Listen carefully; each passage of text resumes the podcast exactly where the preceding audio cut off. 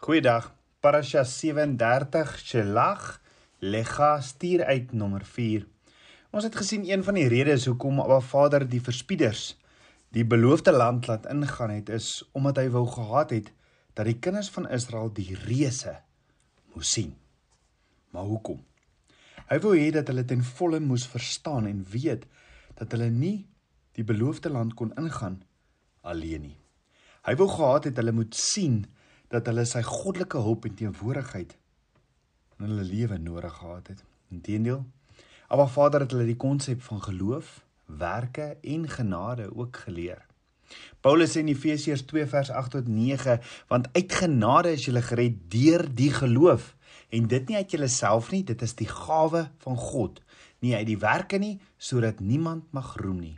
En dan sê 2 Korintiërs 5 vers 7, want ons wandel deur geloof en nie deur aanskouing nie.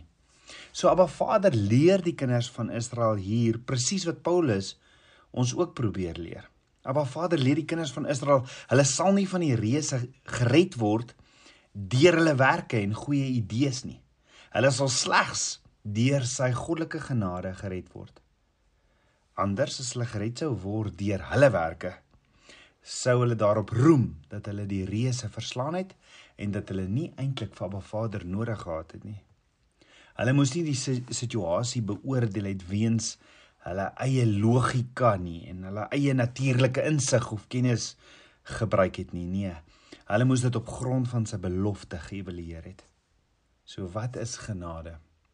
Genade in Hebreëus is die woordjie gen en beteken die gee van guns.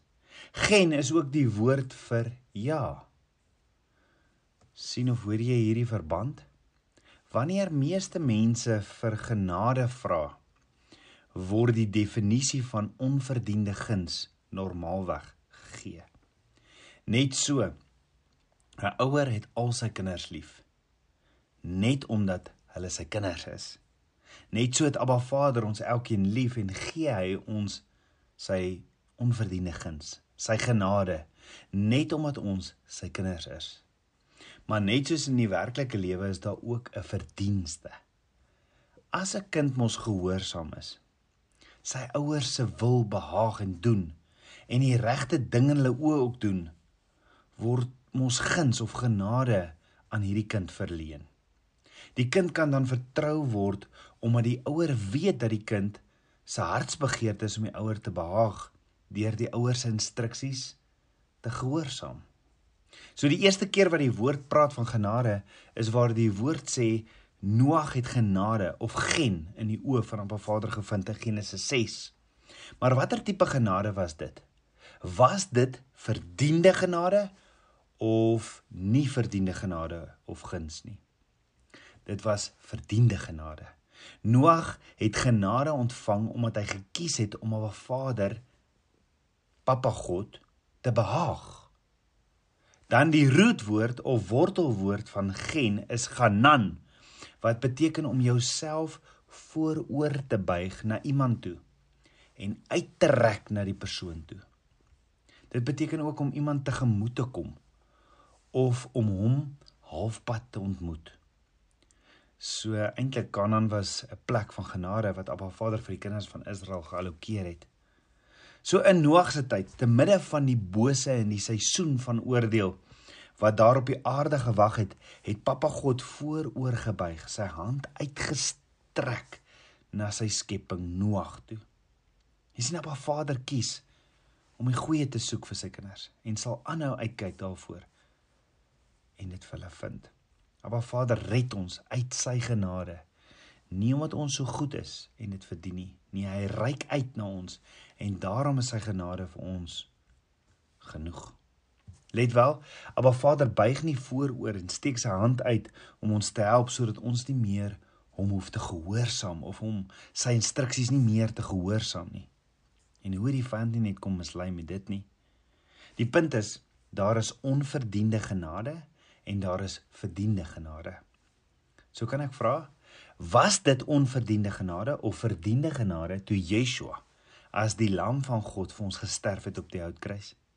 Dit was verseker onverdiende genade en guns, nê? Nee. Net so kan ek vra, Was dit onverdiende of verdiende genade toe Abba Vader besluit het om die kinders van Israel uit Egipte te bevry? Verseker onverdiende genade, omdat die kinders van Israel was ook van Farao in Egipte gered en verlos deur die bloed van die lam, nê, nee, op die deurkusyne.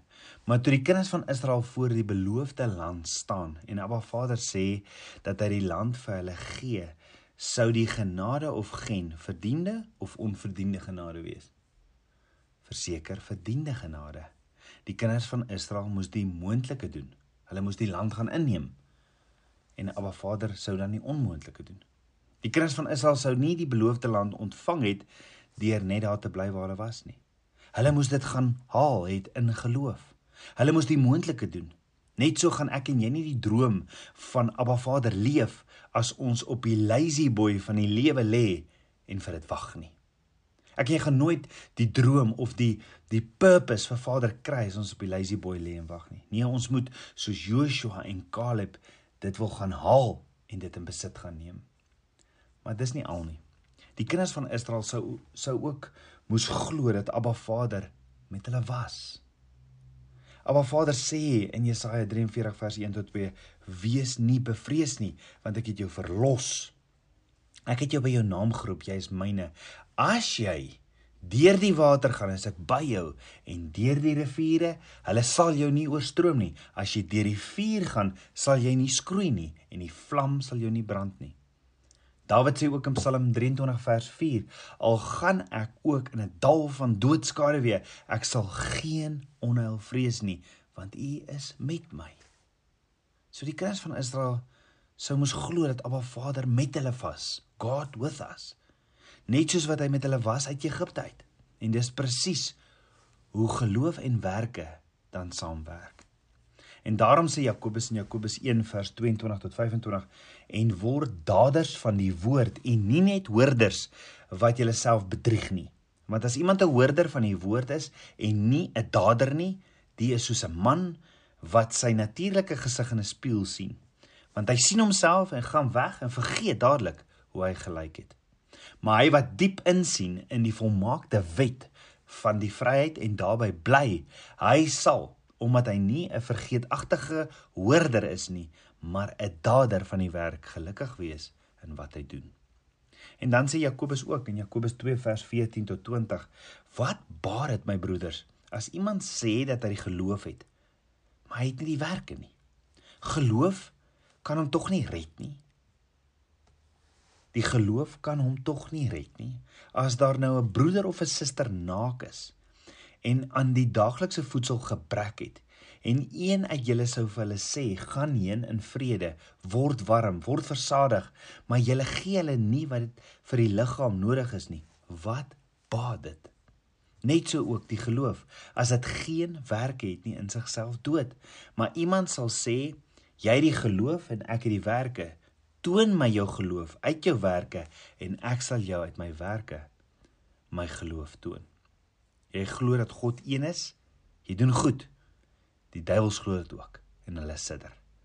Maar wil jy weet o nuttige mens dat die geloof sonder die werke dood is. So dink daaroor. Was dit nie geloof wat die kinders van Israel tekort geskiet het nie? Want dit was nie genoeg vir hulle om net te glo dat Abba Vader gesê het hulle gaan die beloofde land kan inneem nie. Nee, hulle hulle moes doen wat Caleb gesê het. Kom ons gaan. Hulle moes dit eintlik gaan neem het, inneem, ingeneem het. Dit was hulle geloof wat moes oorgegaan het in aksie, emuna wat die oorwinning van die beloofde land sou veroorsaak het. En dit is presies die definisie van genade. Sodra jou geloof oorgaan in aksie in dit wat Abba Vader van jou vra, dan help hy jou ook as die sterker verbondsvernoot om die droom te bereik en die belofte te ontvang wat hy nog altyd vir jou het. So kan ek vra, gee Abba Vader sy hulp, sy ondersteuning of of, of buig hy vorentoe en help as jy die heeltyd net doodspreek, as jy die heeltyd net memoreer en kla en hom nie vertrou en hom glo nie.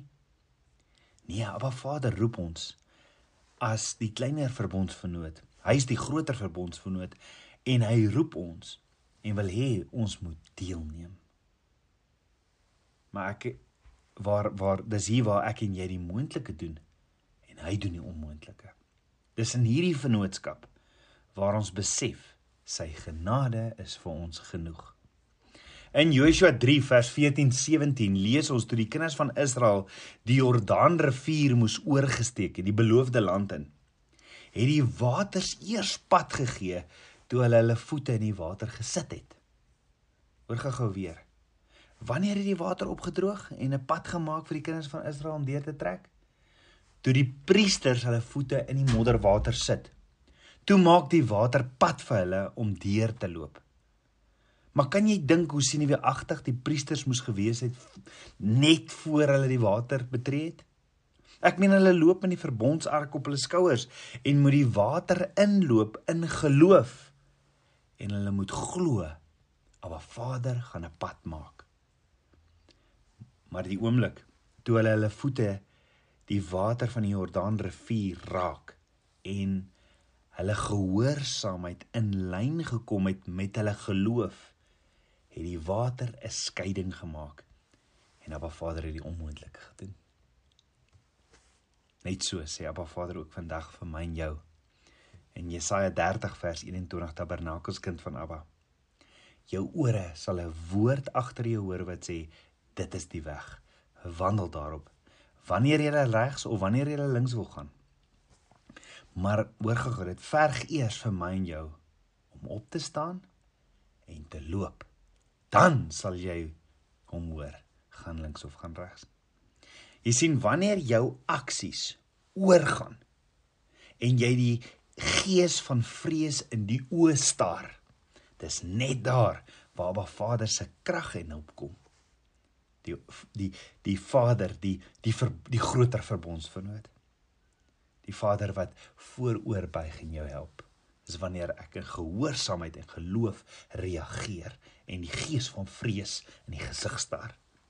Abba Vader se hulp is waar ons in geloof beweeg in die rigting wat hy nog altyd vir ons beplan het. Dis soos om 'n stootskraper te bestuur. Wie doen die werk? Is dit die stootskraper of die een wat die stootskraper bestuur? Beide, nê. Nee. En Yeshua sê in Markus 17 vers 20 voorwaar ek sê vir julle as julle geloof het soos 'n mosterdsaad sal julle vir hierdie berg sê gaan weg hiervandaan daarna toe en hy sal weggaan en niks sal vir julle onmoontlik wees nie daarom sit ons nie agteroor op die lazy boy en wag dat hy die berg sal skuif nie. Nee, ons beweeg in geloof, spreek sy woorde ook in geloof. Let wel, ons beweeg eers as ons sy stem hoor. Dan in Markus, ag in Matteus 8 vers 5 tot 10 lees ons ook van 'n hoofman oor 100 wat na Yeshua toe kom en hom smeek en sê: "Here, my knegg lê tuis verlam en hy ly ewige pyne." Daarop sê Yeshua vir hom: "Ek sal ek sal kom en hom gesond maak. En die hoofman oor 100 antwoord en sê: "Here, ek is nie werd dat U onder my dak kan kom nie, maar spreek net 'n woord." Ek glo as U 'n woord spreek, is hy genees. En my en my knegg sal gesond word. Want ek is ook 'n man onder gesag, sê hy. En ek het soldate onder my en vir hierdie een sê ek gaan en hy gaan en vir ander een kom en en hy kom.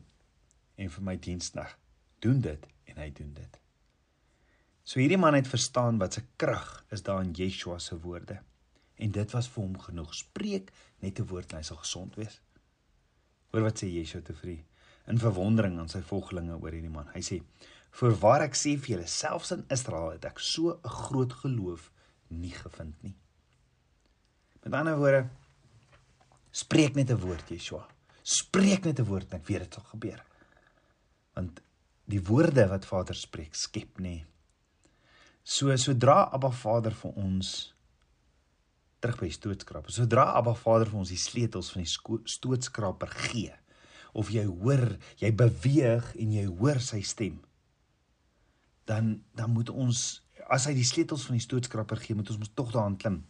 Dit gaan aansteek en die stootskraper begin bestuur, dan sal Abba Vader sorg dat die grond deur die vragmotor beweeg en dis hierdie verbondsverhouding, 'n verhouding Vir my twee seuns toe hulle klein was, was dit vir hulle awesome om te sien iemand beweeg die hefboom van 'n stootskraper en 'n reuse masjien beweeg 'n groot vraggrond van een plek na die ander net deur die hefboom. Net so as ons bid sê Yeshua en vir die berg sê val in die see en ons glo sal dit so wees. Want onthou ons wandel deur geloof en nie deur aanskouing nie. Dit is presies hoe 'n verbondsverhouding met Abba Vader werk.